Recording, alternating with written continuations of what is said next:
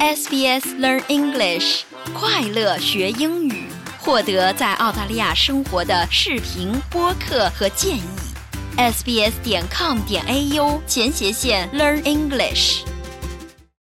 SBS 电台推出全新普通话播客《解读澳洲 Australia Explained》，在这里你可以轻松欢快的了解有关澳洲的有趣知识。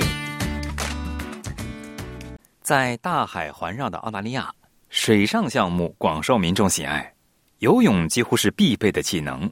很多家长也往往让孩子们从小学习游泳。近期，悉尼的晶晶泳校举行了年度嘉奖会，表彰那些在过去一年里在游泳技能和成绩上取得进步的孩子们。接下来，我们一起感受孩子们学习游泳的勇气、坚持和快乐。家长 Ronnie 的两个孩子都在学习游泳，且打下了较好的基础。呃，我们家老大是十四岁，老二是九岁。应该说这两个都说不上特别喜欢游泳，但是呢，姐姐在这个金鸡游泳学校应该算是比较好的孩子，就是属于那种听话的，然后呢也是比较自觉，然后呢。成绩啊，什么都有的不错的。因为我说，我觉得他在晶晶这个呃学习的这几年当中打下了很好的基础，为他后来进那个就是 club，然后的就打下了很好的基础。然后他到的之后呢，也是就是一年之内就连升了好几级。呃，然后在学校里面，基本上他到了中学，每年都是学校的 AJ champion，然后代表学校去比赛啊什么的，所以就进入 zone 和 district 都有。然后弟弟呢，就属于有点反面典型了，就属于那种上课嗯不太守规矩啊，经常被教练要拎出来的那种比较调皮捣蛋的那种孩子。他从一开始就整天就游泳像摸鱼一样的，到现在他在学校里面这个 swimming carnival 也能拿个 ribbon，那我觉得这个就是很大的进步了。虽然他可能还不能跟姐姐比，但是呢，我觉得老师就是说真的是一直给他鼓励，虽然有批评，但是更多的是鼓励，呃，然后才能让他也一直坚持到现在。在当天嘉奖会举行的同时，该校九岁的学生 Evan 代表所在游泳俱乐部参加了年度澳洲日游泳比赛，并取得了好成绩。他说，他达到了自己的 PB，目前的个人最好成绩。学游泳几年了？四年了。喜欢游泳吗？喜欢。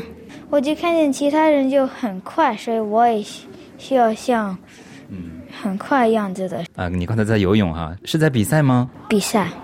去哪儿比赛了 Bexley？Bexley，你是代表俱乐部去比赛吗？今天？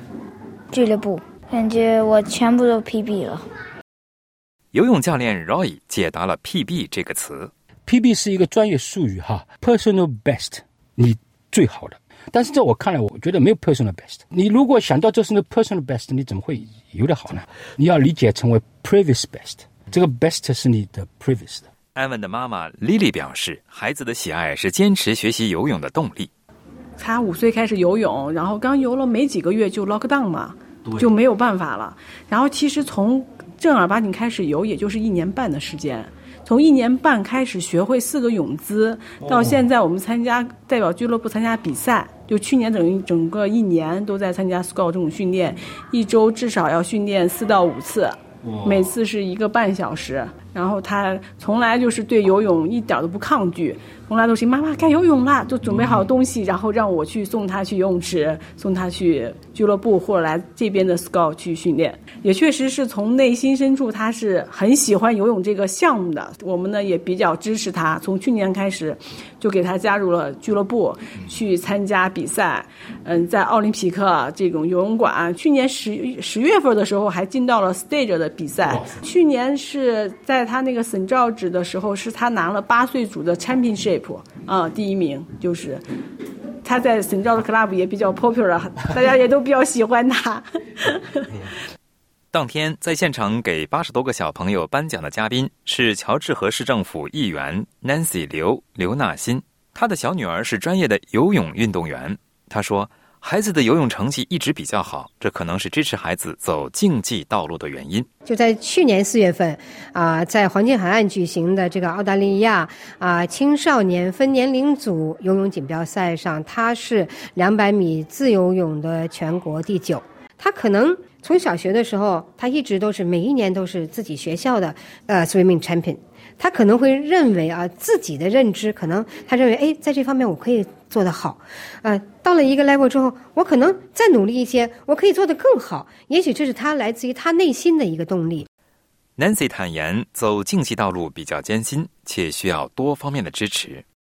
不是每一个孩子都需要去做竞技这条走竞技这条路，这条路其实蛮艰辛的啊。他需要也很多孩子自己的付出，而且还有孩子们背后家长的付出和整个家庭的 support。到了一定的这个 level，也取决于这个孩子是不是有一定的天分。当然了，还要看他周围的环境。相信这方面，我觉得我们已经很 lucky 了。澳洲是一个游泳强国。其实到了他现在游泳的这个，除了教练在这个水里对他的这个训练，他还有陆上一套训练。他自己还报了一个普拉提，他想增加自己的中心力量，而且还有他经常要一个星期差不多一次到两次的 physio，去放松他。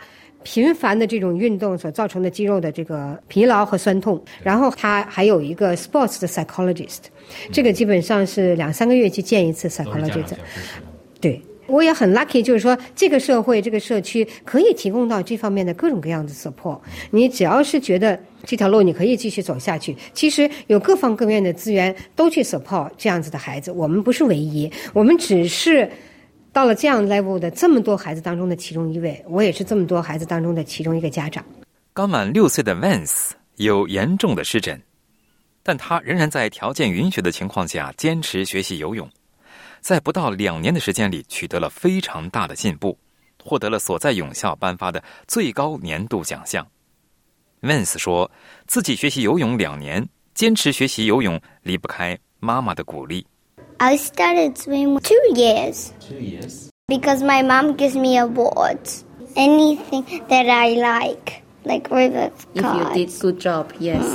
他什么时候这个游泳过程是比较有进步的，就可以有一个小的奖励，所以这样子来来鼓励他们。对，Vance 的妈妈 Mona 表示，Vance 的姐姐 Kimberly 和 Talia 的游泳成绩也非常好，家长的鼓励会让孩子们乐于接受挑战。姐妹俩分享了对游泳的喜爱，还是 OK 的，喜欢在水里游的感觉。喜欢，喜欢 tumble turn，喜欢 tumble turn，就是那个转身，就是到岸边的时候那个一个翻转翻转。Happy，makes happy，and makes me dizzy。我们家的老大和老二在去年和前年都有呃代表学校，在学校里面是包揽大概所有的第一名、第二名这样子，对，然后进到 zone，然后再去进行下一轮，然后我们是进到 state 这样子。在我们说哎增加一节课，我就是这样鼓励他们，我说因为你 level up 了，所以我们可以增加一节课，他们会反而会觉得很开心，因为他们听到的是啊我。进了一步，我可能又升了一级，哎，所以这个就是变成了一个良性循环，而不是说是我好累啊，我我游不动啊什么的。所以我我是期待的是告诉他们，你你是因为有了。呃，一个 level up 的一个一个水平，所以你才可以，比如说从一小时游到一个半小时。那像我们这个学期的呃 summer 的 intensive class，现在是两个半小时的课，以前都觉得不可能实现的，但是现在其实两个半小时，孩子们。啪啪啪也就都游下来，而且到最后半小时的时候都是在比赛，没有坚停的比赛，所以他们的体能和体力其实都是在通过一次一次的训练中得到了训练，得到了提高。而且我相信他们这个坚韧的呃毅力的这种感觉是可以带到他们将来人生后半。Mona 说，在医生的建议和帮助下，希望可以通过游泳锻炼孩子的体能和坚韧不拔的精神，最终战胜湿疹。